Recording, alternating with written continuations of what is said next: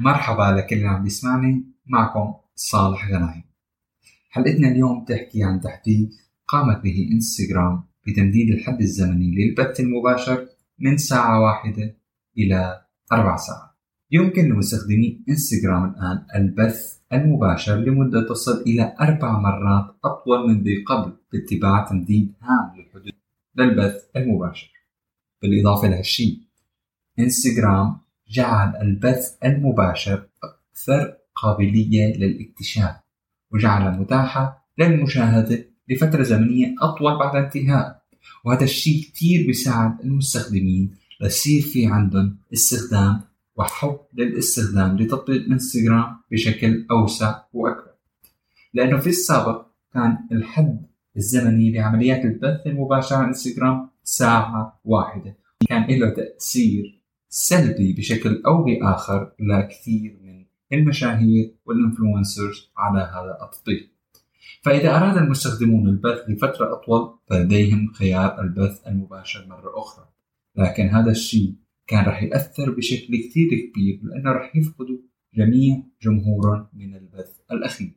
فكان الحل من جهة إنستغرام ليش ما نحن نقوم بتمديد مدة البث المباشر من ساعة واحدة إلى أربع ساعات.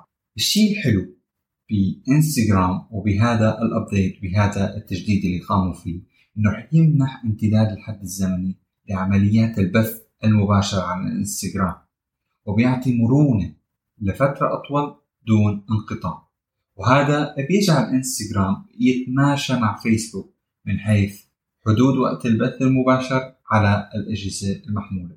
مثل ما بنعرف فيسبوك بيتيح للمستخدمين البث المباشر على الهاتف المحمول لمدة تصل إلى أربع ساعات.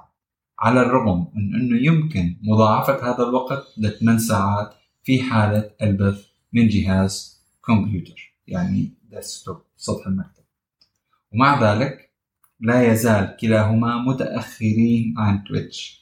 ليش؟ لأنه على تويتش يمكنك ال يعني فينا نقول يمكن للمستخدمين البث لمدة 24 ساعة إذا اختاروا هالشيء. هذا الشيء بيخلق تحدي إلى حد ما مواجه فيسبوك وإنستغرام بهذا بهي النقطة بالذات. لكن مع النقطة نفسها المدير التسويقي آه، للبرودكت الموجود بكاليفورنيا حكى إنه نحن ما عم نطمح لحتى يصير البرنامج هو عبارة عن آه، بثوث مباشرة للتطبيق يمكن لمستخدمي إنستغرام البدء من الاستفادة من المهلة الزمنية الممتدة الآن طالما إنه حسابهم في وضع جيد وما عليه أي مشاكل. هلأ تحسين اكتشاف البث المباشر.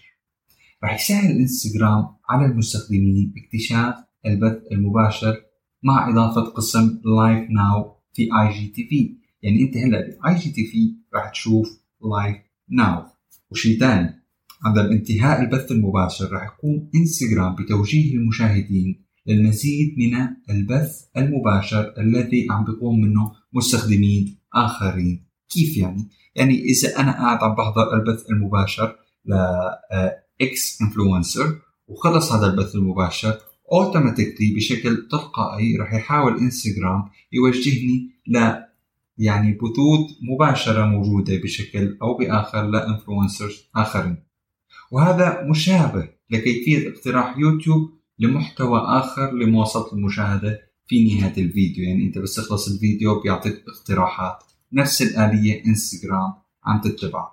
هلا يمكن إنستغرام ياخذ صفحة من دفتر اللعبة الخاص بتويتش بالمستقبل ويسمح للمستخدمين يعني فينا نقول بمداهمة البث المباشر لأشخاص آخرين هذا الشيء رح يخلق تنافس كثير حلو ما بين تويتش وإنستغرام ورح يساعد بشكل كبير بترحيل جمهور مباشرة من تويتش ليروح على إنستغرام لأنه هاي الميزة اختيارية كانت موجودة على تويتش ورح تصير اختيارية أيضا موجودة على إنستغرام. فباعتقادي رح يصير في منافسة لطيفة رح تكون مفيدة لنحن كمستخدمين ما بين تويتش وإنستغرام.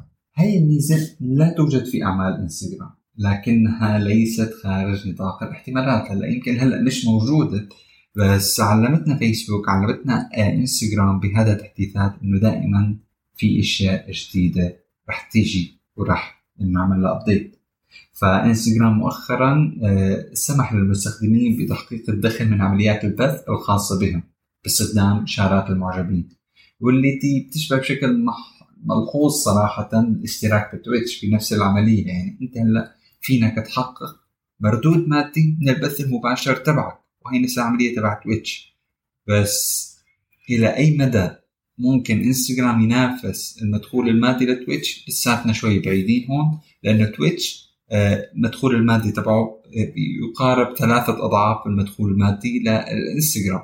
النقطة الحلوة الجديدة كمان رح أضيفها إنستغرام. بهاي الآلية هو خيار القادم اللي هو حفظ البث المباشر. تماما مثل ميزة الأرشفة. نحن بنعرف ميزة الأرشفة اللي أنت بتحفظ آه، المشاركات تبعيتك القصص تبعك. نفس الآلية إنستغرام رح تعمل آلية من خلال حفظ البث المباشر. هلا هذا التجديد اللي عم تعمله انستغرام هو عدة تجديدات وعدة updates عم تعمله لحتى تتطور وتقدر تنافس منصات أخرى وليست فقط منصة واتساب أو منصة سناب شات فيسبوك you know يعني فينا نقول هذا هذه التحديثات رح تأثر بشكل كثير إيجابي بعالم ال digital وبإنستغرام.